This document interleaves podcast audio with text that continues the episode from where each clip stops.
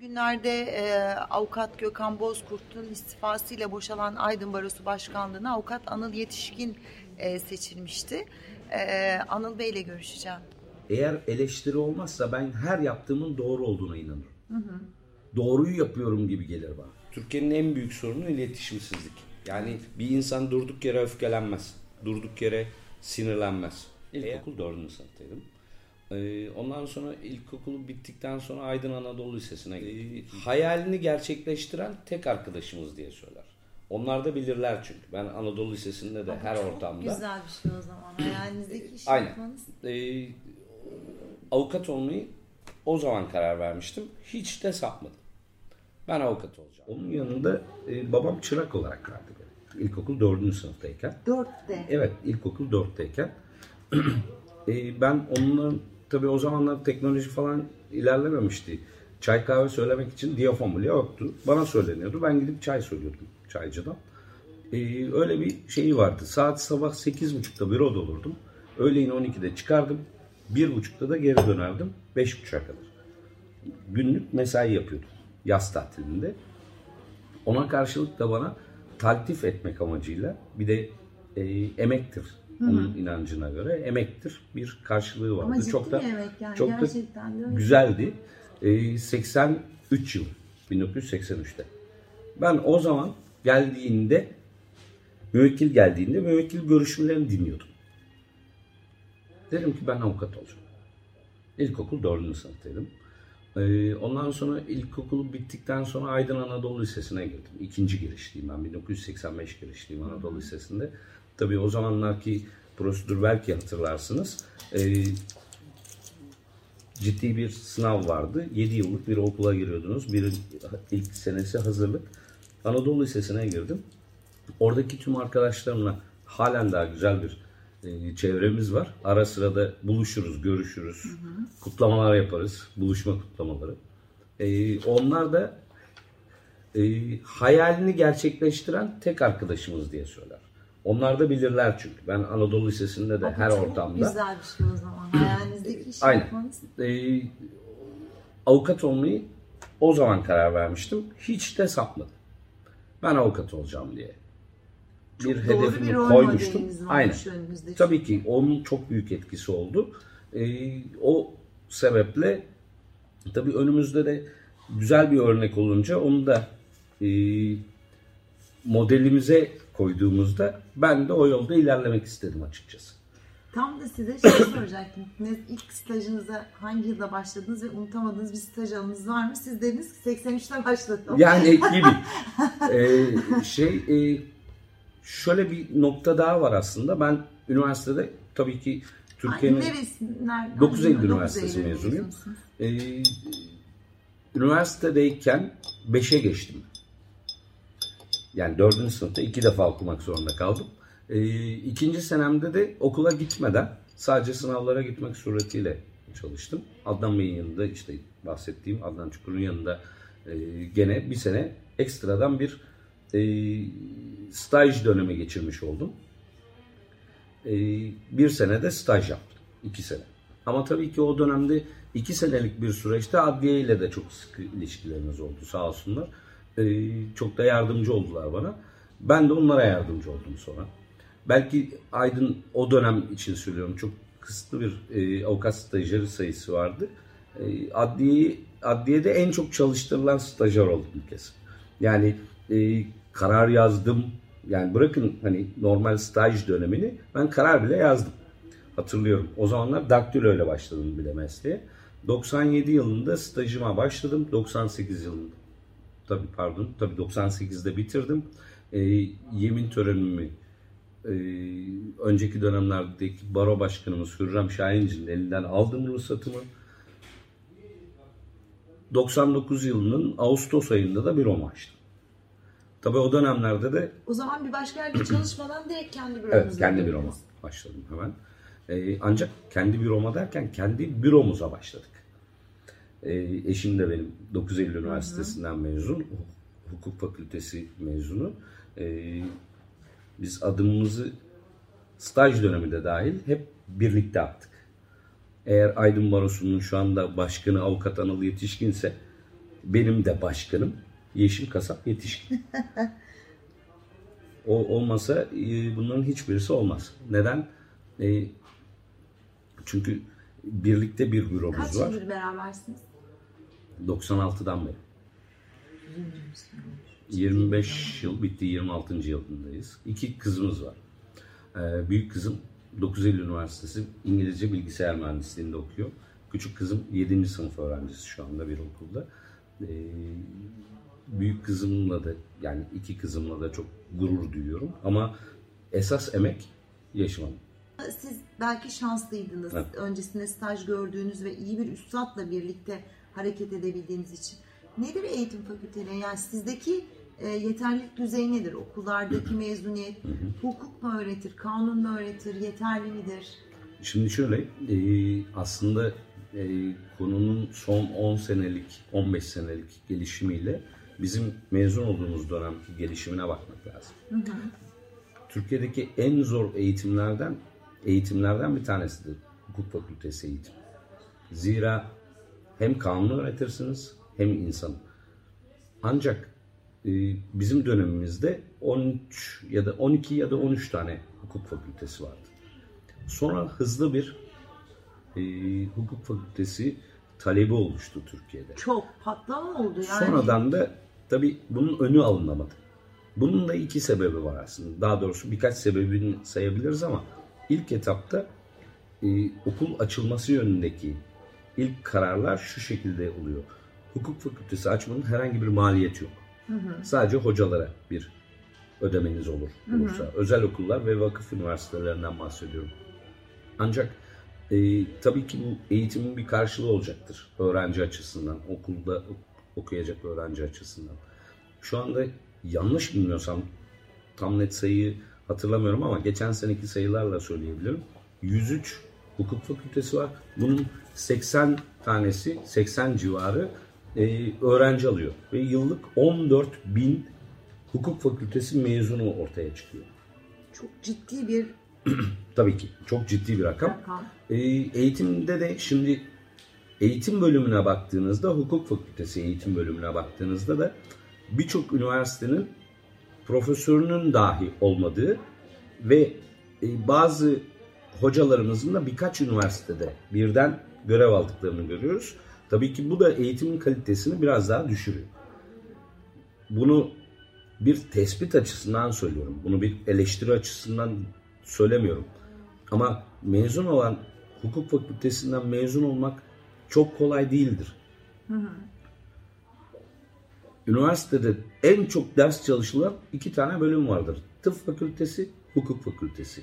Birisi insan hayatıyla oynar, ötekisi de insan hayatıyla oynar. Bu sebeple eğitim kalitesinin hızla yükseltilmesi gerektiğine inanıyorum. Ayrıca ülkemizin bu kadar çok hukukçuya ihtiyacı var mıdır? Onu da Tam da sorgulamak onu gerekir. diyecektim. E, hukukçuların bir de reklam yasağı var. Çok fazla avukat var ve e, ölçük reklamlar ya da tali yollardan insanlar kendilerini ifade etmek zorunda kalıyor. Ben ekstradan bu eğitimi aldım, bunun üzerine gittim. Evet çünkü okullarda bu eğitimle ilgili bir sıkıntı var ve insanlar, kişiler kendilerini sonrasında daha da çok doldurmaya çalışıyorlar. Haklı olarak da bunu ifade etmek istiyorlar. TikTok'larda savcılar, hakimler, Evet. e, sosyal medyada fenomen avukatlar. Bu konuda ne söylemek istersiniz? Reklam yasağı ile ilgili özellikle. Şimdi e, Türkiye Barolar Birliği'nin e, 2001 yanlış hatırlamıyorsam yayın tarihi reklam yasağı yönetmeliği var bizim. O yönetmelik çerçevesinde tabii ki e, şu anda yeniden bunun üzerinde çalışılması talebimiz var. Aydın Barosu olarak da e, cumartesi günü yapılacak olan Barolar Birliği'ndeki Baro Başkanlar toplantısında talebimiz oldu. Gündem oluşturulması yönünde. E, nitekim gündeme de alındı. O da Tam görüşülecek. olarak talebiniz nedir? Ee, Şimdi avukatlık çok onurlu bir meslek. Savunma kutsaldır diyorsanız o cübbeyi giydiğiniz anda artık savunmanın bir ayağısınız. O cübbeyle onurunuza, kendi onurunuz yanında tüm avukatları temsil ediyorsunuz. Bu sebeple hareketlerinize, tavırlarınıza, davranışlarınıza bir avukat çerçevesinden bir avukat gözüyle bakmak zorundasınız. Bir hukukçu gözüyle bakmak zorundasınız. Bu yönüyle Biz tüm Türkiye'de bir yeknesaklık oluşturulmasını talep ediyoruz. Ayrıca bu reklam yasağı yönetmeliğini eğer uygulamayacaksak kaldıralım. Hep beraber kalksın. Bu aradaki biraz evvel söylediğiniz e, fenomenlik noktalarına götürmeyelim bu işi. Çünkü bu kez avukatlık? Yani sosyal medya üzerinden bilgiler paylaşıp işte insanlara, kişilere e, hukukla ilgili onların anlayamadığı Osmanlıca terimleri Türkçeleştirip e, çünkü çok da hani ağır bir dili var. Hmm, Kendine böyle bir misyon edinip e, belki de bu yaptığı yardımla e, müvekkil e, e, gelmese de bu hizmete devam etmek. çok doğru mu yanlış mı tartışmasından ziyade şuna e, değinmek istiyorum aslında. Bu başım ağrıyor komşumun gelini şu ilacı almış çok iyi gelmiş al sen de şekline dönüşüyor iş. Yani Google avukatlığı, Google hukukçuluğu diye bir şey türemeye başladı. Maalesef ki sosyal medyada bunu körükleyen bir mekanizma oluşturdu. Ama oysa ki bilgiye yerinde ulaşmak önemli olan. Biz kullanabiliriz o programları. Yani kullanabiliriz derken bizim de kullandığımız hukuk programları var. İşte iştahatların olduğu, kanunların, kanunların gerekçelerinin yer aldığı, doktrinin görüşlerinin olduğu, hukukçuların konuları paylaştığı ve bununla ilgili aktardığı. e, evet. aktardığı bir ortam var. Zaten var. Bunu, bu programları da kullanıyoruz biz. Ancak bunu halka yani e, herkese yansıtmak doğru mudur değil midir tartışması noktasında şimdi sizin bireysel bir davanız var. Konusu farklı, kişileri farklı, iletişimi farklı, hukuku farklı, uygulanacak noktası farklı. Atıyorum bir şiddetli geçimsizlik davası, boşanma şiddetli geçimsizlik sebebiyle boşanma davası eski adıyla, şimdiki adıyla evlilik birliğinin temelinden sarsılması sebebiyle boşanma davası herkese göre değişen bir davadır. Tanık beyanlar önemlidir, belgeler önemlidir, anlatım önemlidir. Şimdi siz orada gerekçeyi sadece paylaştığınızda aa ben de ona uyuyorum şeklindeki bir açacak olduğunuz dava sizin hukuki kayıplarınıza da yol açabilir. Ama Yani yorumlamayı- aynen. göre, kişinin özeline göre Oradaki oradaki yorumlamayı hukukçulara bırakmak gerekiyor. Yani onun sosyal medyada mesela çok basit örnek olarak vereyim. Yargıtay'ın tüm kararlarında yaralamaya yönelik bir alet taşıdığınızda bunun tamamını silah sayar. Ama medyada şöyle bir e, haber geçti birkaç sene önce. Annesinin terliğini silah saydı. Ama oysa ki Yargıtay zaten onu silah sayıyordu. Yaralamaya yönelik bir hareket tarzını destekleyen alet olarak görüyordu. Ee, Ondan dolayı hani yanlış bunu sebep aynen düşündüğünüz için çok net bir şekilde bu elbette ki haber alma hakkı vardır insanların. Elbette ki yorum yapma hakkı vardır. Elbette ki vatandaş da hukuki haklarını öğrenmek zorundadır. Ama bunları yerine, yerine getirirken oradaki yani internet ortamındaki beyanlarla bağlı kalınmaması gerektiğini ve bunun profesyonel destekle yerine getirilmesi gerektiğine inanıyorum. Zira Aydın Barosu'nun avukatlarının tamamının ben bu yetkinliğe sahip olduğunu düşünüyorum, biliyorum. Ondan dolayı o mecralardaki beyanlardan ziyade avukatın o e, sizin konumunuzu ve durumunuzu yorumlaması gerektiğine inanıyorum. Türkiye'nin geçirdiği belli bir dönem içerisinde, daha doğrusu çok kısa bir dönem ama önemli bir dönemdi. E, o dönem içerisinde anlık bilgi paylaşalım şeklinde bir ibare geldi Evet. dü- dünyamıza, Türkiye'ye geldi. E, ben o dönemde çok iyi kullanmıştım Twitter'ı. Kendi adıma bunlar tabii ki dışarıdan nasıl göründüğü de çok önemli değil.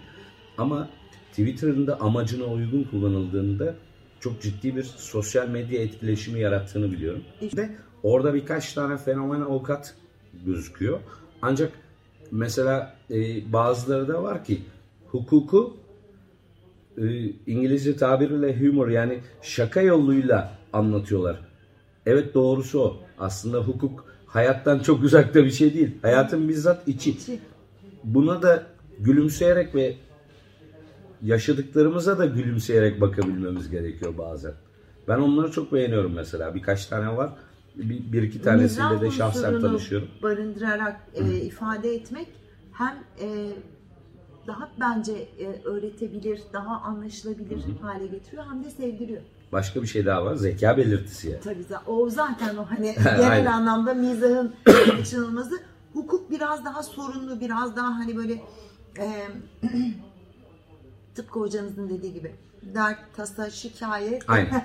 Yani o hani onu mizaha dönüştürmek o bölümde e, o bölümde nokta koymak lazım aslında. Gerçekten de e, bizim de gülmeye ihtiyacımız var. Evet. Biz de eğlenmek durumundayız. Biz de evet avukatız, evet hukuk çok ciddi bir iş. Çok ciddiyetle yapılması gereken bir iş ama sonuçta ben de gülmeye ihtiyacı olan bir insanım. Tam da burada şunu soracağım. İşte bu bahsettiğimiz sosyal medyanın aktif olması, insanların problemlerini anında iletmesi, çözüm gelmesi ve sosyal medyada bir e, adalet mekanizmasını oluşturdu. Sosyal Evet. medya yani Twitter barosu var. e, Twitter mahkemeler e, var. Twitter mahkemeleri Evet. var ve bir şey hashtag e, gündem oluyorsa adalet sağlayıcılığı e, oluşmaya başladı. Bunu nasıl değerlendiriyorsunuz? Bunun Bu sebepleri- midir? E, yoksa bunu onaylıyor musunuz? Çünkü insanlar bu sefer hashtag olmak adına, e, problemini, derdini çözmek adına sürekli aynı bilgiyi papağan gibi tekrar etmeye başladılar. Orada şu şu aslında nokta atış yapmak gerekirse. Maalesef ki ülkemizin geçirdiği bazı evreler oldu son dönemde. Özellikle işte aviyane tabirlerle tarif edilen bir medya oldu. Medyanın çıkış yapamadığı noktalarda bu kez Twitter, Facebook devreye girdi. Bu kez vatandaşa yansıdı. şöyle söyleyeyim. Bütün il yazarlar e, şu an Twitter'dalar. Evet. Çünkü gazetelerinde yazamamaya başladılar. Ee, orada bağımsız bir mecra var. Herkes düşüncesini alenen söyleyebiliyor, açıklayabiliyor. Ee, özellikle fake hesaplar var, gizli, ee, ulaşılamayan hesaplar. Onun da Peker'in- yanlış mı yönen, yönlendirdi bizi, insanların kafasında başka bir e, tavır mı belirlendi? Bize bilgi kirliliği getirmesin. İşin aslına ulaşalım aslında. Şimdi özellikle son dönemlerde biz Aydın Barosu olarak komisyonlarımızı bu yönde çalışıyoruz. Komisyonlarımızla bu yönde çalışıyoruz. Diyoruz ki her Twitter haberine inanmıyoruz. Her Facebook haberine inanmıyoruz. Mümkünse eğer yakınımızdaysa ya da ulaşabileceksek dosyanın içeriğine bakalım. Çünkü oradaki bilgi kirliliği bir kurumu kirletir. İlk önce dosyaya ulaşıyoruz, taraflara ulaşmaya çalışıyoruz. Eğer gerçekten böyle bir durumun va- vaki olduğunu yani oluştuğunu gördüğümüzde evet hukuki yönden yapılabilmesi gerek yapılması gereken ne varsa ona ulaşmaya çalışıyoruz. Çocuk komisyonumuz, kadın komisyonumuz, e, hayvan hakları komisyonumuz, çevre komisyonumuz bu yöndeki çalışmaları ilk etapta ilk ağızlardan alıyorlar. Twitter'da o yazmış, bu yazmış, şöyle olmuş şeklindeki hiçbir beyana itibar etmek sizin bu işlemleri başlatıyoruz. Onu bir ihbar kabul ediyoruz açıkçası. Ee, hukuki zeminlerde sonuç elde etmek önemli esasında. Orada e, küfrederek ya da hakaret ederek bir yere varamayacağımızın farkına varmamız gerekiyor. Ya ben mesela tıp alanında bir yorum yapamam. Aşı iyiymiş mesela son zamanlarda aşı iyiymiş kötüymüş ben bilemem onu. Ben devlet kurumlarına güvenmek zorundayım o konuda ve bana sunulan güvenli aşı metotları ve güvenli pandemi mücadelesi bu. Ben de buna uymak durumundayım. Mahkeme gibi düşünmek gerekiyor aslında. E, mahkemeler de bir karar veriyor. Biz ona saygılıyız. Ancak hatalı bir karar verildiyse bunu da eleştirmek karar verildikten sonra yalnız. Tabii ki karar mekanizmasındaki sürece işte o Twitter müdahale ediyor aslında sosyal medya etkileşimleriyle o müdahaleye yelteniliyor. Ancak burada nasıl çözüm üretebiliriz? Tüm olaylarda hukukun gereğini yerine getirerek A kişisine edilen hakaret tehditten dolayı tutuklanıyorsa B kişisine de edilen hakaretten tutuklanması gerekir. Ancak biz o ayrımı yapmaktan imtina et. O ayrımı yapmaya başladığınızda o zaman bu farklı bir mecraya gidiyor. dönecek. Aynen öyle. esas noktası yargılamanın sağlıklı ve iyi bir şekilde yürütülebilmesi. Baro olarak, Aydın Barosu olarak, avukatlar olarak bizim esas görevimiz de bu. Maddi gerçeğin ortaya çıkması deriz biz. Savunmanın esası onun üstüne kurulur. Maddi gerçeğin ortaya çıkması. Mesleğimizin de şöyle bir misyonu yoktur. Ceza dosyaları açısından savunduğunuz kişinin sanık ya da şüpheli olması sebebiyle söylemek gereği diyorum bunu. Ee, beraat ettireceğiz. Biz sizi bu suçtan ari kılacağız şeklindeki bir tavır doğru bir tavır değildir. Avukattan da bunu beklemek doğru değildir. Ancak avukat sizin hukuki yönden hukuki savunmanızı yapmakla mükelleftir. Yani sizi o dosyadan beraat ettirmekle mükellef falan değildir avukat. Doğru Orada da maddi gerçeğin ortaya çıkması için çaba gösterir. Avukatın esas misyonu budur. Oradaki savunma mekanizmalarında hukuk kuralları üstüne kurar. Esas, esa- işin esasını ortaya çıkarmak üzere kurar. Aslında Yani bilgi kirliliği de yok. bilgi kirliliğini de önlemek açısından önemli. Şimdi insanlar size güvenerek atıyorum ben kendi adıma söyleyeyim bu bölümünü. Twitter'da ben bir şey yazdığımda Anıl Yetişkin olarak yazıyorum. Aydın Barosu Başkanı olarak değil. O benim şahsi düşüncem. Ha, evet bu benim şahsi Şimdi görüşlerim. bu, bu da var. Yani bir avukat günün 24 saati avukatlık yapmayabilir. Bir doktor da günü 24 saati Evet. doktorluk yapmayabilir. Eve gidip ayaklarını uzatıp televizyon izleyeceğim. Özel hayatının e, en mahrem anlarından oluşan bölümü olabilir ve bunu paylaşabilir. Aynen. Ee, sosyal medyada biz bunu biraz göz ardı ediyoruz sanırım. Yani günün her saati siz Aydın Barosu Başkanısınız. yani bizler Evet. için ya da işte avukatsınız. Ondan ondan dolayı gurur duyuyorum kendi adıma. Ulaşılabilmek de önemli aslında. Çünkü ulaşılmaz bir noktada değiliz biz. Gördüğünüz üzere kapımız her zaman Ben açık. evet çok e, şaşırdım herkesin abi deyip böyle size böyle Evet, ay- öncelikle- bir abiliğiniz var burada. Ee, şöyle söyleyeyim. Ee, 23 yıllık avukatım. 5 dönem Aydın Barosu, 6. döneminde bu. 6. dönemde de Aydın Barosu yönetim kurulu üyesiydim. Bunun 4 döneminde genel sekreterlikte geçtim. Yani e, meslektaşlarımız sağ olsunlar o payeyi yani o abilik e, e, hitabını sadece yaşımdan dolayı söylemediler. Tecrübeleriniz var. Onlar onlarla iletişimden dolayı söylüyorlar. Hatta son zamanlarda sıklıkla abi ya pardon başkanıma dönüyor. Ben de abi demelerinden çok keyif alıyorum kendi adıma. Çünkü demek ki onu hissediyorlar da söylüyorlar. Evet. Bu önemli bir şey. Ben kendi adıma O zaman şöyle, ilk konuşmamızda Baro Başkanı- söylediğim iletişim dokunmayla alakalı. Doğru Dokunduğumuzu düşünüyorum kendi adıma. çok da önemli çünkü onların da temsil, onların da yani dertleri ve e, çözüm odaklı. Peki kanunların hazırlanması ve yürürlüğe girme sürecinde baroların etkisi nedir? şu dakikada yok bize hiç kimse bir şey sormuyor. Şimdi aslında çok çok güzel bir noktaya işaret ettiniz. Ben de onu nasıl bir mecrada anlatabilirim diye onun derdindeyim. Bazı e, kesimler baroları siyasal olmakla suçladılar. Aslında biz siyasi falan değiliz. Biz çok uzağız o siyasete. Elbette ki ülkemizle dertleniyoruz, vatandaşımızla dertleniyoruz. Biz de bu ülkenin bir vatandaşıyız. Ben Anıl Yetişkin'im. Baro başkanından Bir de önce. ülkenin geneli çok siyasi. Yani ülkenin hani nabzına baktığınız Ben zaman kurum, her şey kurum siyasi. olarak Aydın Barosu'nu siyasetin çok ötesinde görüyorum. İstemiyorum zaten böyle bir şeyi. Çünkü bu ayrışmaya yol açabilir. Bu birbirimizi kırmaya yol açabilir. iletişimsizliğe yol açabilir. Ancak şunun farkına varmamız gerekiyor. Bir kanun yapılırken, bir kanun çıkarken, çıkartılırken biz onun yanlışlarını da görebiliyoruz. Çünkü uygulayacak olan bu işin e, ya da işin vatandaşa da yer Aynen. için. Yani bir tam e, noktası o. Evet, bir aynen. var. Bir de uygulamanın içerisinde varız biz. Nasıl uygulanabileceği noktasında bazı eleştirilerimiz olur. Bu eleştirileri de sunmak yani çok abiyane tabiriyle Yunanistan'a falan bağırmama gerek yok benim. Ben siyasi iradeye de bağırmıyorum. Meclis iradesinde bu kanunun yanlışlığını, hatasını, kazasını göstermek istiyorum. Uygulanırken hata yapılacağını e, net bir şekilde göstermemiz gerekiyor ki bu konudaki bir tavrımız olsun. Bizim siyasete karşı e, eğer siyaset yapacak olsam gerçekten de cübbemi çıkartırım yaparım.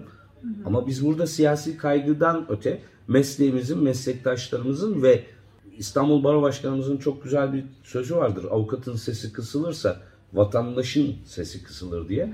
Biz onun için sesimizi asla kısmayı düşünmüyoruz. Aydın Barosu özellikle Aydın'ın e, ciddi bir adliye sorunu var. Sizler de yaşıyorsunuz hep beraber. E, biz bu konuda baro olarak da çok çalışmalar yaptık. Gerekli görüşmelerin tamamında var olmaya çalıştık. Adalet Bakanımız ziyaret etti buraya. Ona da anlattık durumumuzu. En sonunda bir e, adliye yapılması ile ilgili ilk adımlar atıldı. Sağ olsunlar. İhale süreci de geçen haftalarda bitti. E, sanırım sözleşme aşamasına geçti şu dakikada. E, başsavcılığımızla da e, görüşme trafiğimiz devam ediyor. Aydın'ın en önemli sorunlarından bir tanesi bu kanayan bir yara aslında.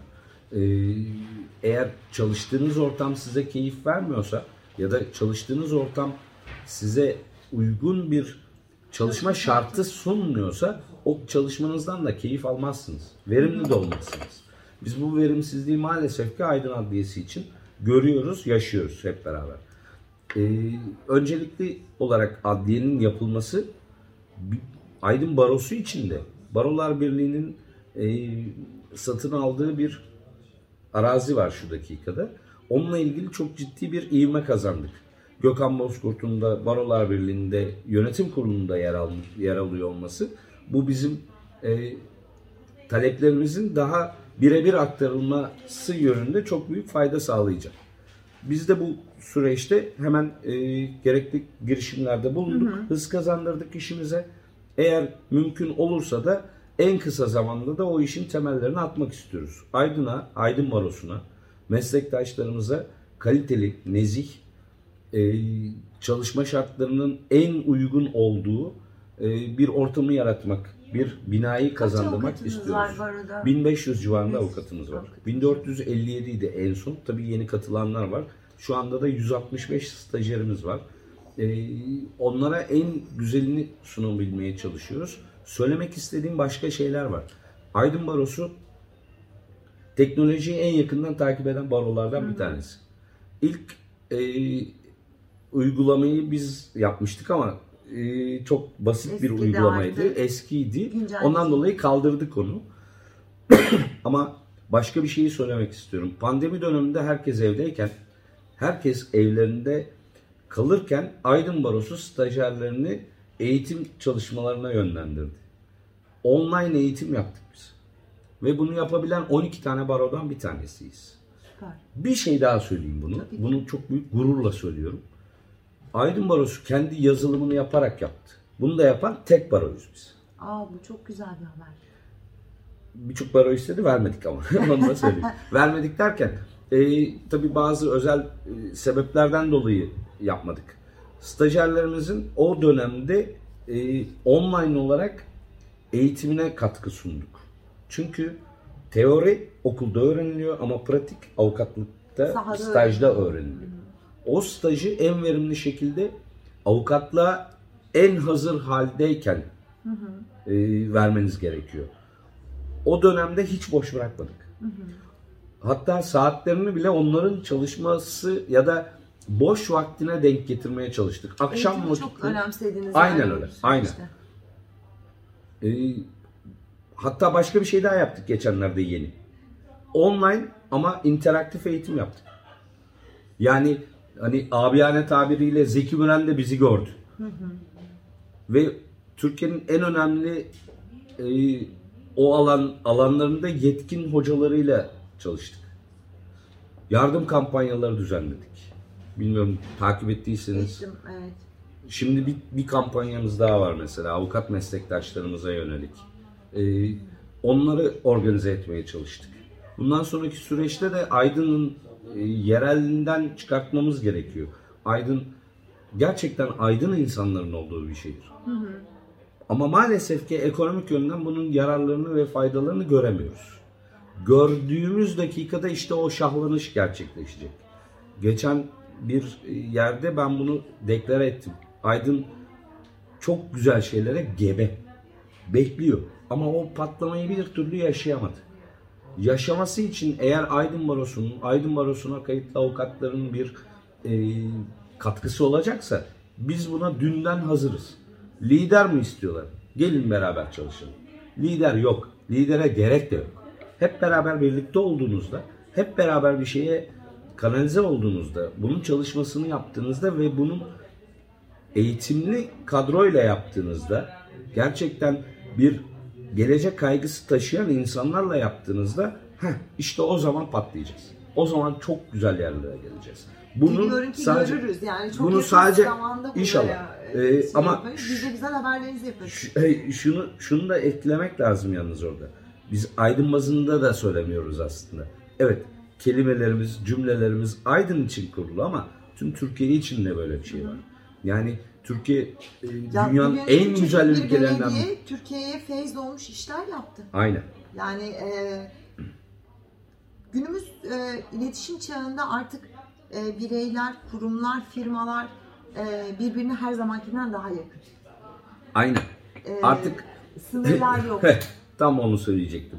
Artık sınır diye bir şey yok. evet. Dünyada e, binlerce kilometre ötedeki insana çok kolay ulaşabiliyorsunuz. O size çok kolay ulaşabiliyor. Bunun nimetleri olduğu kadar evet bazı handikapları da var. Mu- Mutlaka olacaktır. Ama bunun nimetlerinden en maksimum seviyede yararlanmamız gerektiğini düşünüyorum ben. Çok güzel. Peki son sorum. Ee, baro başkanı olarak iyi bir avukat tanımınızın altında neler var? İyi bir avukat sizin için kimdir? Nasıl bir kişiliğe sahiptir? Nedir? Ee, çünkü muhtemelen şu an okuyan öğrenciler ya da hukuk fakültesini okumayı düşünen kişiler varsa o 4 yaşındaki e, çocuktan başlayarak e, mesleğin eski ve yeni hallerini bilen kişi olarak hem Anıl abiye hem de baro başkanına sormak istiyorum. İyi bir avukatta neler var? Birincisi takip. İşinizi takip. Aslında işin başlangıcından almak gerekiyor. Müvekkille ilişkinizi doğru kurmak. O iletişimi doğru sağlamak. Doğru yönlendirmek. Hep avukatlara şu soru sorulur. Tüm kitapları ezberlediniz mi? Hayır biz kitap falan ezberlemeyiz. Ben kanunun hangi maddesi olduğunu bilmem. Ama çekmeceyi hangi yerde açacağımı, hangi çekmeceye bakacağımı bilirim. Doğru yönlendirme budur. Doğru avukatlık da budur. Ve umut tacirliğinden ziyade gerçekleri göstermektir esas. Önemli nokta orada doğru avukatlık değil, ilk önce insan. Ondan sonra avukatlık. Doğru insan doğru. Doğru avukat. O zaman işte bir şeyler başarabiliyorsunuz. Ama ekonomik kaygılarla eğer siz bir meslek icra ediyorsanız yapmayın o mesleği. Hiçbirisini yapmayın. Ekonomik çünkü ekonomi eğer başarmaya devam ettiğinizde ekonomi zaten kendiliğinden gelecek. Çalışmaya devam ettiğinizde kendiliğinden gelecek birçok şey. Yani Anıl Yetişkin 23 senedir avukat ben ona dosyamı vereyim diye gelmez ki kimse. Anıl Yetişkin'e güvendikleri için gelirler. Ondan dolayı şöyle bir hep onu söylerim ben e, meslektaşlar arasında konuşurken. Bizim en büyük handikapımız müvekkile verebildiğimiz bir şey yok. Kağıt parçası oluyor çoğu. Yani bir kararı görüyor sadece. Ama onu yaşadığı dakikada anlıyor. Evet. Hayatına aslında dokunuyorsunuz. O tapusunu alıyor, boşanıyor, mutlu bir hayata başlıyor ya da e, Tazminat, tazminat alıyor. davası açıyor. Ama o nokta atışında çok büyük bir emek var. Bir gün bir müvek- müvekkil adayım e, bir dilekçe yazar mısınız avukat bey dedi. Yazarım şu kadara yazarım dedim. Ya iki şık şık yapacaksın dedi. Beş dakika dedi. O zaman daktilo kullanıyordum ben yeni avukattım. Dedim ki kusura bakma ama 24 yaşındayım 25 yaşındayım. Bunun 5 yılı hukuk fakültesi ve staj, geri kalanında ilkokul, ortaokul, lise. Yani 5 dakika değil. Onun birikimi var yani. Tabii. Onu aktaracağım ben. Hukuki dile dökeceğim senin şikayetini. Ve tanımlandırarak dosya hazırlayacağım. Onun için öyle o kadar iki şık şıkla olmuyor bizim işler. O iki şık şığı oluşturabilmek için bir e, altyapısını oluşturmamız gerekiyor. Siyasi iradenin A partisi, B partisi hiçbirisinin önemi yok bizim için. Oradaki kanunun vatandaşa yansıması ve mesleğimize yansıması ile ilgili bir kaygımız var. Onu da dile getirdiğimizde siyasi olmadığımızı düşünüyorum ben. Haziran 2020'deki çoklu baro eylemine katıldınız mı? Evet. Gökhan Başkanım o zaman baro başkanımızdı. Onunla beraber e, sadece e, baro başkanlarının yürüdüğü yürüyüşe katılamadık. Ama geri kalan tamamında beraberdik. Metin Bey'in değişmesiyle birlikte başlayan süreç aslında çok siyasiydi ve e, çok sorgulanıyordu. Hani bunu neden böyle söylüyorum? Sosyal medyada e, O yönüyle çıktı. e, o yönüyle çıktı. Bir de hiç konulardan bağımsız kişiler bile alkışladı. Zaten biz onu garipsedik öyle söyleyeyim. Şimdi ben e, avukatlık hayatımda 5 defa Barolar Birliği seçimi gördüm. Bunun 3 tanesinde bil fiil oradaydım. Hem de seçimin e, ortamındaydım. O seçimlerin tamamında oradaydım. Son 3 seçimden bahsediyorum. Metin Bey'in ilk seçildiği dönem, ikinci e, dönemi ve en son Erinç Başkanı'nın seçildiği dönem. İlk kez halkın, vatandaşın Barolar Birliği'nin seçimine bir önem arz ettiğini gördüm. Evet. E, muhalefet partisi başkanı adalet yürüyüşü yaptı.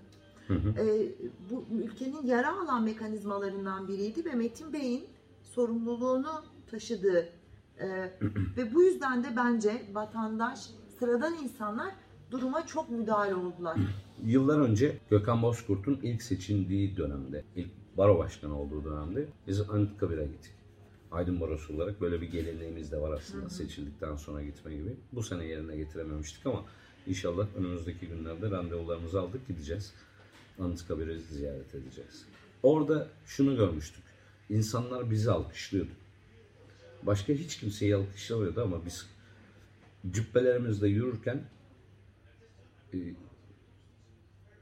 hala duygulanıyorum ondan dolayı söyleyeyim. Çok da büyük bir Ee, motivasyon ama Evet, aynen.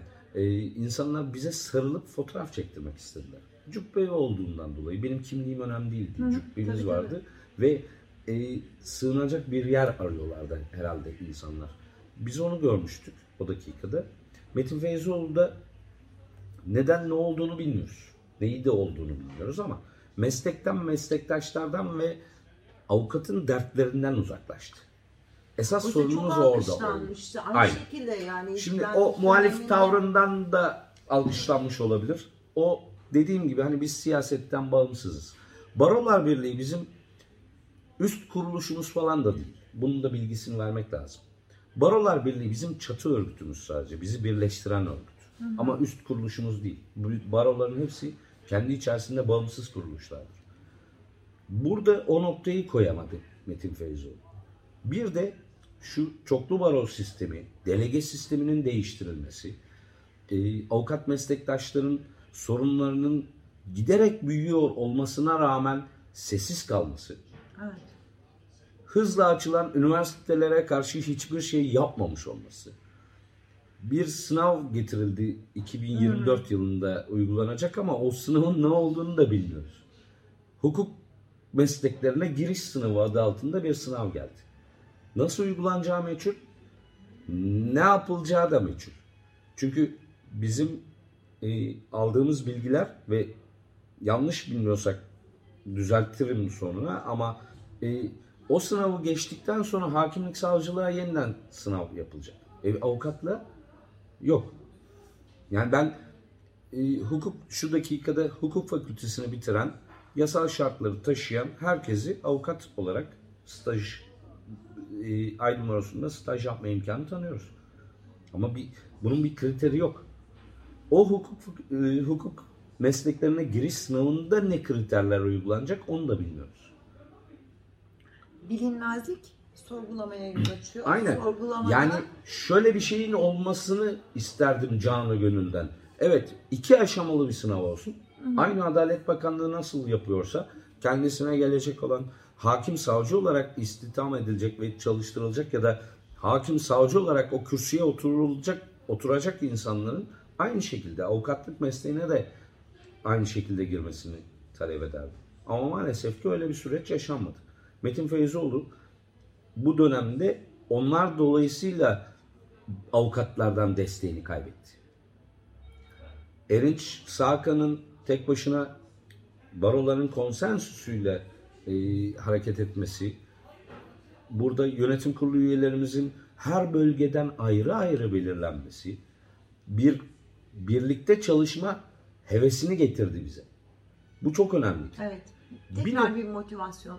Aynen yarattı. öyle. Bir, bir nokta daha söyleyebilirim bununla ilgili. Çok aslında bizim e, yaşadığımız bir süreç. Metin Feyzoğlu bizim iki defa gelen kurul talebimizi reddetti. Yasalara uygun olmasına rağmen, avukatlık kanununa uygun olmasına rağmen bir takım gerekçeler öne sürerek avukatı, avukatın kendi örgütüyle konuşmasını engelledi. Bütün Bizim- bunlar karşılık buldu diyorsunuz. Tabii ki Erinç Başkan'ın e, şu dakikada Barolar Birliği Başkanı olmasını e, olmasını sebebini oluşturan görüntüler de onlar. Evet. Burada iki defa yönetim kurulu kararı aldık biz. 12 tane baro ayrı ayrı yönetimleri lütfen konuşalım. Gelin dertlerimizi paylaşalım istedik. Ama Metin Bey farklı bir yapıya büründü Tam ve da bu dönemde Metin Bey döneminde yani daha doğrusu şu son dönemde adalet mekanizması hiç bu kadar yara almamıştı. Haksız tutuklamalar, çok siyasi e, hamleler, e, sizin içinde bulunduğunuz, hizmet verdiğiniz sektörün hiç olmadığı kadar çaresiz kaldığı günler oldu. yok avukatlar hiçbir zaman çaresiz kalmadı. Onu söyleyeyim baştan. Tutuklanan Neden? avukatlar da oldu ama yani. Maalesef oldu. Evet maalesef. Ee, buna biz e, liderlik edecek bir yer aradık açıkçası. Dedik ki ayrık. Çünkü ayrıldığınızda, bölüştüğünüzde, bölündüğünüzde daha kolay kırılma noktaları oluşturursunuz. Gelin birlikte gidelim. Ama birimiz bir yerler olsun. Dayanak noktalarımız. Sesi en çok çıkması gereken yerde makamdasınız. Biz bunu talep ettik kendisinden ya da yönetiminden öyle söyleyeyim. Yoksa benim Metin Feyzoğlu ile şahsen bir Tabii hiçbir tabii biz problemim yok. sadece burada dönemi inceliyoruz. Aynen dönem dönem itibariyle. açıdan. Dedik ki bakın yanlış bir şeyler oluyor bu ülkede. Biz de etkileniyoruz, vatandaş etkileniyor. Avukatın sesi kısılıyor. Kısmayın, kısıttırmayın. Gelin hep beraber konuşalım. İlk genel kurul çağrısı 25 Şubat 2017 ya da 2018'de E, o karşılık buldu. Çoklu baro sistemi olmayacak. Nisbi temsil de gelmeyecek diye bana söz verildi diye Metin Bey konuşmasında Adalet Bakanı'na o dönemki ve Başbakanlığa teşekkür etti. Biz de sandık ki gerçekten sanmadık aslında. Biliyorduk da. Sandık ki gerçekten bu sandığa kaldırıldı. Ama değildi. Bu önümüzdeki süreçlerde önümüze getirilecek bir sorundu. Bizim ayrışmaya değil birleşmeye ihtiyacımız varken maalesef ki ayrıştırıldık. Yani numaralı barolar ortaya çıktı. Onların kuruluşları ayrı bir tartışma konusudur ama gaye olarak ortaya çıkan baroların bölünmesi gibi bir görsel yarattı önümüze. Biz de bundan acayip rahatsız olduk. Biz avukat meslektaşlarımla hangi siyasi görüşte olursa olsun yan yana duruşma bekliyoruz. Karşı karşıya duruşmaya giriyoruz. Ama çıkıp kahvemizi içiyoruz, muhabbetimizi yapıyoruz. Siyasetten bağımsız hareket etmek. Aynen öyle. Biz biz oraya girmek istemiyoruz. Bizim derdimiz o da değil. Ama bizim memleket derdimiz var. Ülke derdimiz var. Mustafa Kemal Atatürk'ün deyimiyle adalet mülkün temelidir. Eğer devlet mülkse adalet de bunun temeli olmak zorundadır. Onun için biz varız. Onun için insanlar barolara güveniyor. Herhangi bir oluşumda herhangi bir liderlik yapma gereği duyulduğunda insanlar barolardan, avukatlardan destek bekliyorlar. Biz de orasındayız işte. işte. Farklı siyasi görüşten arkadaşlarımız belli amaçlar uğruna çalışıyorlar. Bunların bu görevlerin tamamı da bilinenin aksine ücretsiz. Zamanlarından, eşlerinden, çocuklarından, işlerinden fedakarlık yapıyorlar. Belki çok Tam önemli bir ücretsiz dediğiniz noktada şunu sormak istiyorum. Baronun ücretsiz verdiği bir sürü hizmetiniz Evet. var. Bunları alalım sizden. Hazır böyle Mesela- güncel e, Yeniliyor. iki tane halka dokunan iki tane hizmetimiz var bizim. Ee, birincisi adli yardım hizmetimiz var. Ee, avukat tutmaya ekonomik durumun el vermediği ekonomik durumu neyle kıstaslıyorsunuz? Ne kanun kanun aradığı şartlar var. İşte üzerine tapu herhangi bir şekilde tapusunun olmaması, aracının kayıtlı olmaması, bankada herhangi bir parasının olmaması. Ee, biz biraz daha genişletmiştik onu ama tabii ki ekonomik şartlar da önemli. e, asgari ücrete kadar avukat ataması yapıyoruz. Ama artık asgari ücret de yükseldi. Yeniden bir değerlendirme yapılır herhalde. Kurul var orada. Bir adli yardım kurulu var. Biz e, baro yönetimi olarak sadece koordinasyon sağlıyoruz vatandaşlar arasında. O kurul karar veriyor. E, baro başkanlığı onaylıyor o kararları sadece. E, ikinci hizmetimiz de CMK dediğimiz e, zorunlu müdafiyi gerektiren e, atamaları yapıyoruz. Vatandaşın avukata ulaşımını kolaylaştırdığımız gibi adalet mekanizmasına da avukatın parmağını değdiriyoruz. Orada Avrupa İnsan Hakları Mahkemesi'nin önceki yıllarda verdiği kararların hızla düştüğünü görüyoruz birçok şekilde. Ayrıca bir şey daha yapıyor barolar. Toplumsal kamuoyunu arkasına alıyorlar. Yani bir şeyi ortaya koyuyoruz aslında. Takip ettiğimiz dosyalarda kadın cinayetleri özellikle son dönemde farkındasınızdır büyük ihtimalle.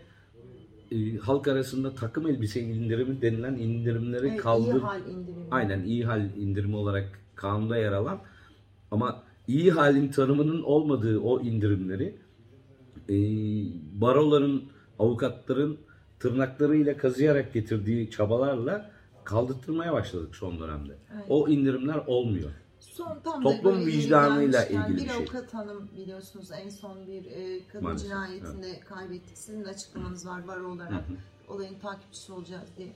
E, kadın cinayetlerinin bu denli yükselmesi. E, burada bir pozitif ayrımcılık yapacak olursak e, tamamen adalet mekanizmasıyla mı ilgilidir, toplumsal yapıyla mı ilgilidir? Bu konudaki Hepsi hepsi nedir? hepsi birbirinin içerisine geçmiştir. Dün e, Barolar Birliği Başkanımız bir şeyi söyledi. Çok nokta atışıydı aslında orada. Kadın cinayetleri politiktir diye. Zihniyetimiz bizim kadın erkek eşitliğini eşitsizlik yönünde bozmak oldu hep son dönemlerde. Bu da kadınları savunmasız görme gibi bir durumumuz oluştu. Erkekler açısından söylüyorum. bunu. Oysa ki kadın kadının olmadığı bir yerde kaos vardır ya. Düzen yoktur. Ben öyle görüyorum kendi adıma. Bunu başkan olarak söylemiyorum. Bu şahsi görüşüm. Ee, ancak e, özellikle İstanbul Sözleşmesi'nin bazı e, yanlış beyanatlarla, yanlış yönlendirmeyle de diyebiliriz. İstanbul Sözleşmesi'nden çıkılmış olması ya da çıkıldığının beyan edilmiş olması e, toplumda artık buna ceza yok algısı yarattığını düşünmeye başladım. Oysa ki 6284 sayılı ailenin korunması hakkındaki kanunda yanlış hatırlamıyorsam ikinci maddesi olması gerekiyor. Avrupa Konseyi'nin bu konudaki sözleşmesi esas alınarak hazırlanmıştır denmekte. 6284'ün temeli İstanbul Sözleşmesi'ne dayanıyor demek. E siz bir şeyin temelini bozduysanız o kanun da bozulur. Şimdi evet Tam da bu noktada diyoruz yani adaletin kantarıyla terasiyle oynanmasın lütfen diye yani kaygımız o zaten. evet. Ama şöyle bir şey var. Biz toplumda her bireyimizi korumakla mükellefiz. Devlet olarak söylüyorum. Sosyal bir hukuk devletiysek bu korumayı herkese eşit bir şekilde sağlamamız gerekiyor. Eşitsizlik olduğunu iddia eden ve bu şekilde bir başvuru yapan birisinin net bir şekilde korunması gerekiyor. O avukat kardeşim, meslektaşım maalesef ki o mekanizmaları kullanmış olmasına rağmen bir koruma alamamış. Evet. 6 defa başvurusu var. Yani göz göre göre hepimizin önünde oldu bu olay. Bir hukukçu, bir avukat bunu elde edemiyorsa toplumda Bu bu ben algı nasıl alacağım aynen bu algı bu algı çok kötü bir algı. Cübbesi olmasına rağmen kendisini birçok kadını korumuş olmasına rağmen kendisini koruyamadı. Evet. Maalesef Kendisi ki için yani. çok üzgünüz. Bir kere daha başsağlığı dileyelim ailesine, yakınlarına ve sevenlerine ve baronuza. Yükselen bir suç grafiğimiz var mı? Ya pandemi döneminde bir artan bir suç oranı olduğunu biliyoruz. Ee, bu da şöyle, e, daha çok hani aile içi şiddette, e, tam da kadına yönelik şiddetle çok bağlantılı olduğu için bunu soruyorum. Biraz ekonomik şartların tetiklemesiyle, biraz psikolojik baskıların ortaya getirdiği e, pandemi sonrasında düştü mü? Nedir yani ba- baronumuzda gelen e, Ee, davalara Şimdi baktığımızda istatistiğini biz her sene çıkartıyoruz ama henüz ortaya çıkmadı. Daha Ocak ayındayız. boşanma oranlarının da çok arttığını Evet, biliyoruz maalesef toplumda öyle. eskiye göre aile birliğini koruyamadığımız da ortada. Ee, birincisi toplumsal eşiklerimizi düşürdük biz. Birbirimize karşı saygı, sevgi ve anlayış eşiklerimiz düştü. Sıkıntılar burada başlıyor. Onun ötesinde eğitimimizi sadece öğretime koyduk. Sadece öğretim bölümünün bölümüyle uğraşıyoruz. Eğitimle değil. Eğitim Sınav odaklı sistemler Aynen bunu yarattı. maalesef ki öyle. Bir yarış atı zihniyetiyle gelen bir nesil oldu. Ama öyle bir noktaya da geldik ki sosyal medya, internet bunların hep görsel medyada dahil olmak üzere etkileşim içerisinde olduğunu da görüyoruz. Bu etkileşimler insanlara olumsuz yansımaya başladı. Maalesef ki o eşikler de düştüğü zaman şimdi önceki dönemlerde baktığınızda boşanmaların ne kadar az seviyede olduğunu görüyorsunuz ama mutlu muydu evlilikleri, mutsuz muydu o tartışılır. Toplumsal baskıdan dolayı mı evliliklerini devam ettirdiler? O da tartışılır. Ama şu bir gerçektir ki iki tarafın birbirine dayanma ve katlanma eşikleri düştü. Birlikte birlikte olabileceğiniz değil, onsuz olamayacağınız insanlarla birlikte olmanız. Kadın bilinçlendikçe toplum bilinçleniyor. Esas Evet. doğrusu o. doğrusu. Şimdi e, Siz de deriz eşim olmasaydı ben evet doğru doğru doğru. Hiçbirisi olmaz. Net bir şekilde olmazdı. Yani ne ekonomik olarak ne de maddi ve manevi olarak hiçbirisi olmazdı. Kesin tavrımı da söylüyorum bu konuda. Çok büyük desteği vardır. Çok da Destekten zordur öte aslında. Karı koca aynı yerde çalışmak ya da aynı işi e, devam ettirebilmek çok yıkıcı da etkileri vardır. Peki bundan nasıl sıyrılabildiniz? e, biraz evvel Ben seni davet ederim. Hayır, ben yok. seni davet A- anlayış eşiklerimizi düşürmemeye çalıştık açıkçası. O benim mesela barodaki faaliyetlerimde ya da çalışmalarımda anlayış gösterdi. Ben de onun bürodaki, evdeki ya da dışarıdaki e, Karşılıklı anlayışınızı koruyabildiniz. mutlaka korumak zorundaydık zaten. Yoksa çok kolay değil. E, iki avukatın, iki e, Aynen. İki hukukçunun hukukçunun bir arada olması. bir arada olması çok kolay değil ama e, dediğim gibi anlayış eşiklerimiz yüksek. Daha da yükseliyor son zamanlarda. Özellikle baro başkanı olduktan sonra ben büroyu da tamamen eşimin üstüne yıktım neredeyse. E, o anlayış eşiklerini e, yükseltmek de gerekiyor. Topluma baktığımızda onu düşürdük. Bir de başka bir şey daha girdi herhalde hayatımıza bizim. E, çok kolay sanıyoruz biz her şeyi. Hayatı da kolay yaşıyoruz, kolay bitiriyoruz. Tüketiyoruz. Mutsuz evliliklerin sebebi de birbirini tüketmek aslında. Tüketiyorsunuz. Sevginizi tüketiyorsunuz, saygınızı. Sanki böyle e, e, bir meta gözüyle bakılıyor her şeye orada da. Egoları da yıkmanız lazım. Yani eğer birisini seviyorsanız ona niye ego gösteresiniz ki? Niye egonuz yüksek olsun ki ona karşı?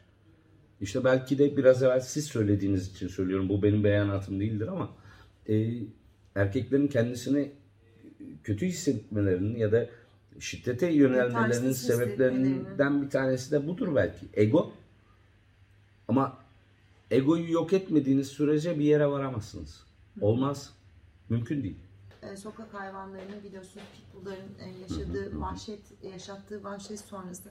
Bu konuda fikriniz nedir? Yani bu konuda baronun bir çalışması olacak mı? Ben e, evimde kedim ve köpeğim var. Burada da bir kediniz Burada bir kedimiz var. var. Evet. Biz, yani o sabahları ziyarete gelir. Akşamüstü de burayı konforlu bir alan gördüğü için burada uyumaya geliyor. Biz Hayvan çok hassas bir evet yani o kesin. Daha önceki dönemlerde de baronumuzun hayvan haklarında komisyonunda da çalıştım. Koordinatörlüğünü de yaptım. E, 2016 idi yanlış hatırlamıyorsam. Tarih tam net aklımda değil ama 2016 diye hatırlıyorum. E, Türkiye'deki barolar arasındaki en büyük katılımlı hayvan hakları kurultayını yaptık biz. Çalıştay'a dönüştürdük onu. Bir sonuç bildirgesi ve e, kanun taslağına yakın bir görüş bildirdik.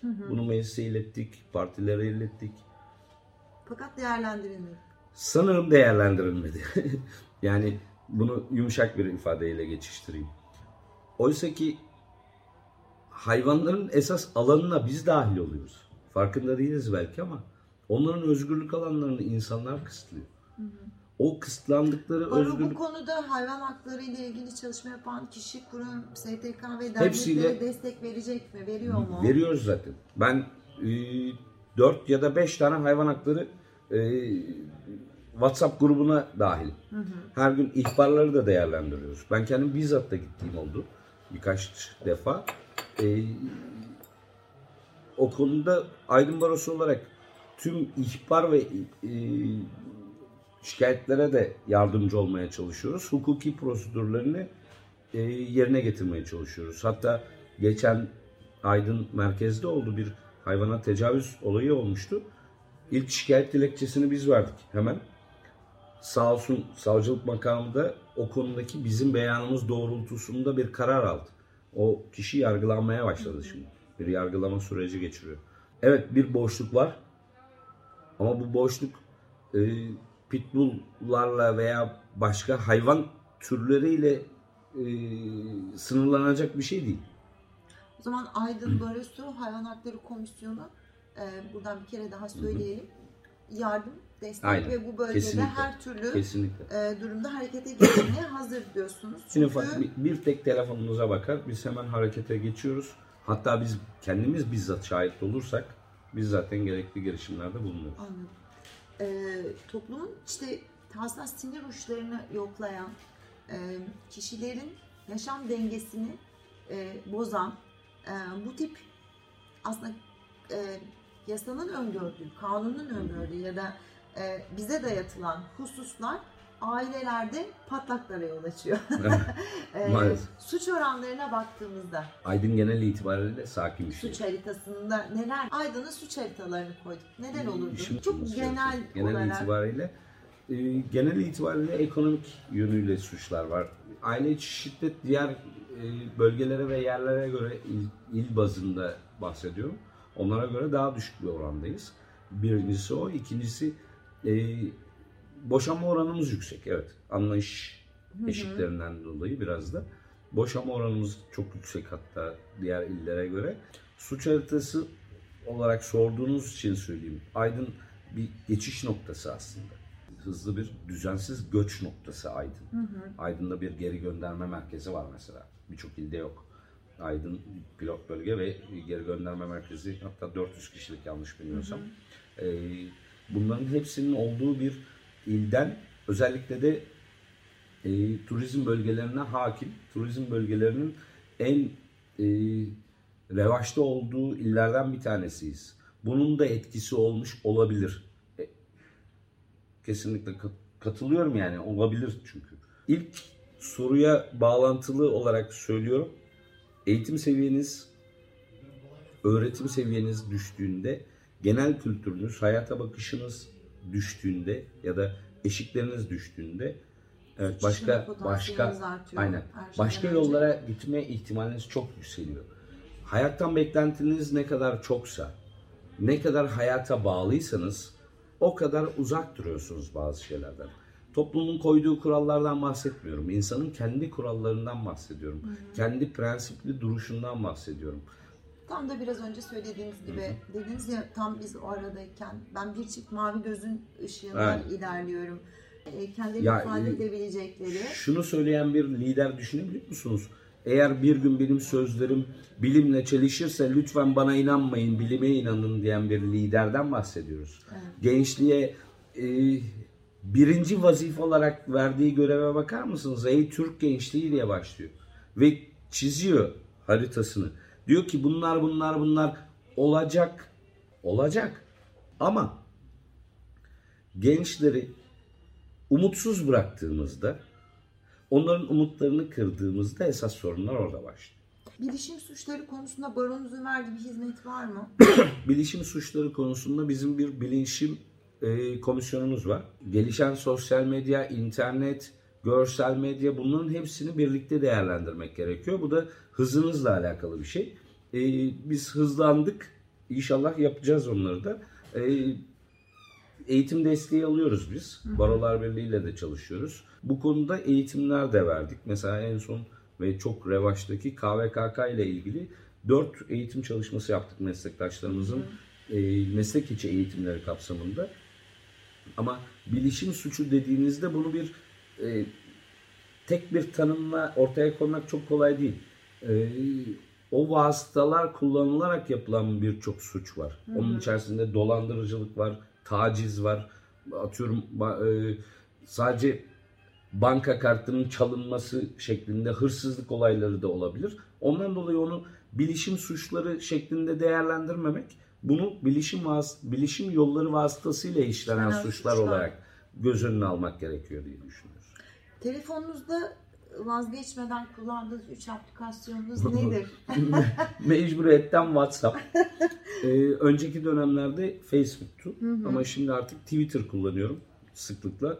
Bir de e, telefonu ben e, evet elimden düşürmüyorum maalesef ki. Zira pozisyon itibariyle herkesin bana ulaşması e, ön- önceliyorum. Ö- önemsiyorum. Öncelikli zaten o. Özellikle meslektaşlarımız açısından. E, Twitter, Facebook ve Instagram kullanıyorum. Kurumsal bir kimlik olarak kullanmıyorum bunu. Kendi şahsi kimliğim orası çünkü. Benim hesabım o. Keyif Baro başkanımız. Sosyal medyadan. Yani Alıyorum evet evet alıyorum. Keyif alıyorum. Zaten keyif almadığım bir şeyi bırakırım. Yani bir mantığı yok. Zorunluluk hissetmeyeceksiniz bir şey kullanırken. Aynen. Ama WhatsApp e, sıkıntılı bir süreç. Benim şu anda yanlış olmazsa 27 tane grup var. Görüşme devam ettiği. E, her gün yazışılan gruplar var. Baro başkanları, yönetim kurulu, komisyonlar, çeşitli etkileşimler. Ondan dolayı e, mecburen kullanmak zorundayız. Teknolojiden yararlanmak lazım. Peki kripto ve sanal paralarla ilgili e, kullandınız mı? Hiç alışveriş yaptınız mı? Biliyor musunuz? Süreçleri nedir? Çünkü çok ciddi mağduriyetler var. Bu girdi. e, elimle dokunmadığım ya da iletişime geçmediğim hiçbir şeye inanmam aslında. Ancak kripto kullandınız mı? Evet. E, kripto para kullandınız mı? Evet. Yıllar önce bir arkadaşım gel şundan al dedi bana. Ben de aldım bir miktar. İşte biraz param vardı. Yani çok büyük bir paradan bahsetmiyoruz. Meblağı da söyleyeyim. 1250 lira bir para yatırdım. Şu anda 4000 lira mı olmuş? Ne öyle bir şey duruyor. Ama nasıl çekilir, nasıl satılır, nasıl işlenir, nasıl kullanılır bilmiyorum. Ben ekranda onu görüyorum sadece. E, nereye yatırım yaparsınız? Paranızı nasıl değerlendirirsiniz? Harcarım. Bu çok güzel bir cevaptı. Yani doğrusu o. Yani parayı eğer harcamayacaksanız niye kazanıyorsunuz? ki? Şöyle Hayallerini gerçekleştiren adam. Aynen. Şimdi e, o da şöyle oldu. Eşimle konuşuyorduk. Dedim ki ben arabayı değiştirmek istiyorum. Ne yapacaksın dedi. Ne alacaksın? Dedim Mercedes almayı planlıyorum. Ya dedi bizim o kadar paramız yok. Olsun dedim ya benim hayalim bu. Ya çok pahalı değil mi dedi. Ya dedim 70-80 yaşında Mercedes bineceğime dedim. Şimdi bineyim yani. Borçlanayım ama bineyim yani. Tamam dedi. Yani o da destek oldu. Yoksa Hayalinize mümkün değil. destek oldu. Aynen hayalime destek oldu. O gün de benim o hayalim de bitti. Yerine gelmedi bir daha. Tam onu soracaktım. Ya Kendinizi hayaliniz- ödüllendirir misiniz? Evet. Nasıl ödüllendirirsiniz? Mesela çakmak aldım kendime. Çok beğendim. Kendime hediye aldım. Evet. Şöyle ödüllendirmekten ziyade Tam tersi cezalandırır mısınız diye de soracağım çünkü. Nasıl cezalandırırsınız? Nasıl ödüllendirirsiniz ve nasıl cezalandırırsınız? E, dış görünüşümün ve konuşma tarzımın aksine çok duygusal bir insanımdır ben. Hüngür hüngür ağlarım birçok konuda. Mesela kızımı üniversite, yani İzmir'e yerleştirdim geldim alt tarafı İzmir. Üniversite sınavını kazandığı gün ve onu yurda yerleştirdiğim gün e, ağlamaktan dönemedim ben. Yolda e, bayağı sıkıntı yaşadım yani. Hüngür hüngür ağladım. Cezalandırmak demeyelim de buna. E, kafama çok takarım beraber bir şeyleri yaparken keyif alıyorsam ödüllendirilmişimdir demek. Sadece Güzel. ben olmayayım, ötekiler de olsun, hep beraber Buradaki olsun. yönetim anlayışınızdan da çok belli ama bu hani gözlemlerime göre başından beri gördüğüm haliyle e, sorunu da paylaşmak, keyfi de paylaşmak, aynen. süreci de paylaşmak. Ama o zaman daha büyük bir keyif ortaya çıkıyor. Yani bireysel bir keyiften toplu bir keyfe dönüşüyor iş. Peki e, en son ne zaman tatil yaptınız? Nereye Bu sene gittiniz? yaptım. Nasıl karar verdiniz? Ee, eşimle beraber e, karar verdik. Kızlarımla beraber. Ama köpeğimizin de gelebileceği bir yer olmalıydı. Ee, Evet. onun, onunla beraber e, neydi? Sığaca'ya gittik. Bize okumamız için bir kitap tavsiye etseydiniz. Ee, bizim evimizde eşim e, ve çocuklarım da dahil olmak üzere büyük bir kütüphanemiz var. Ben son dönemlerde okuyamıyorum maalesef. Ama hayatınızı etkileyen kitap derseniz evet o kadın beyni erkek beyni önemli bir noktaydı benim. E, bize bir film tavsiyesinde bulunsaydınız. Ee, hapishanede geçen Esaretin Bedeli. Esaretin Bedeli. Belki 20 kere seyretmişimdir. Hala daha seyredebilirim. Bir de bir şey daha var. Çok çok güzel bir film tavsiyesi olarak söylüyorum. Kızlarım küçüktü. Beraber çizgi film seyretmeyi çok severiz. Ben çizgi filmini de çok severim bu arada. Ee, bir animasyon film vardı Robotlar diye. Orada Robot Kent vardı. Robot Kent'inde e, lideri Şimdi adı aklıma gelmedi ama onun bir beyanı vardı. Önce ihtiyacı belirle, sonra çözümü üret diye. İhtiyaç neyse çözümü de orada. O filmi de çok beğenirim ben. Kızlarım da onunla büyüdüler. Belki onlarla beraber 20 kere 30 kere seyretmişimdir onu da. O zaman keyif aldığınız şey tekrar tekrar yapmak istiyorsunuz. Ama şunu asla yapmamaya gayret ediyorum. Bir makam koltuğunuz var görüyorsunuz burada. Bir makam Kullanmadığınızı fark ettim. kullanmamaya özen gösteriyorum. Çünkü o sanki bir mesafe koyuyormuş gibi geliyor bana. Ben koyuyormuşum gibi geliyor. Onu istemiyorum. O olmasın istiyorum. Keşke ile başlayan bir cümleniz var mı? Yok. Yok. İyi ki İyi ki evet iyi ki avukat olmuşum yani iyi ki avukatlığı seçmişim daha doğrusu. İyi ki eşimle evlenmişim. İyi ki iki tane çocuğum olmuş. İyi ki onlar benim çocuklarım olmuş. Ee, çok da önemli değil gerisi ya. İnsanın öncelikle kendi hayalleri vardır. Sonra bir de toplumsal hayalleri vardır. Ben ikisini de kurmayı seviyorum. ya Atatürk de öyle hayallerle başladı. en son sizi şaşırtan şey ne olmuştu son günlerde? Çünkü her gün bir şeye çok şaşırıyoruz. şöyle söyleyeyim insanların tepkisizliğine şaşırıyorum ya. Yani herkesin hem e, kendi açısından hem de toplumsal açı, açıdan baktığınızda kaygıların oluştuğunu görmek lazım diye düşünüyorum ama kimsenin bir tepki verdiğini görmüyorum, düşünmüyorum. Bu da beni kırıyor açıkçası. O yönüyle kırıyor. Çünkü kanıksamışlık var ya, o kanıksamışlığı yaşatıyorlar bana. Ya kanıksamayın bir şey. Maalesef ki o tepkisizlik beni şaşırtıyor biraz. Tepki vermekten de korkuyor olabiliriz toplumsal olarak. Yani Bireysel bile olsa bir tepki göstermeniz gerekir diye düşünüyorum ben. O insanın kendi içerisinde, ben bir toplumsal olay ya da başka bir şey için söylemedim bu tepkiyi.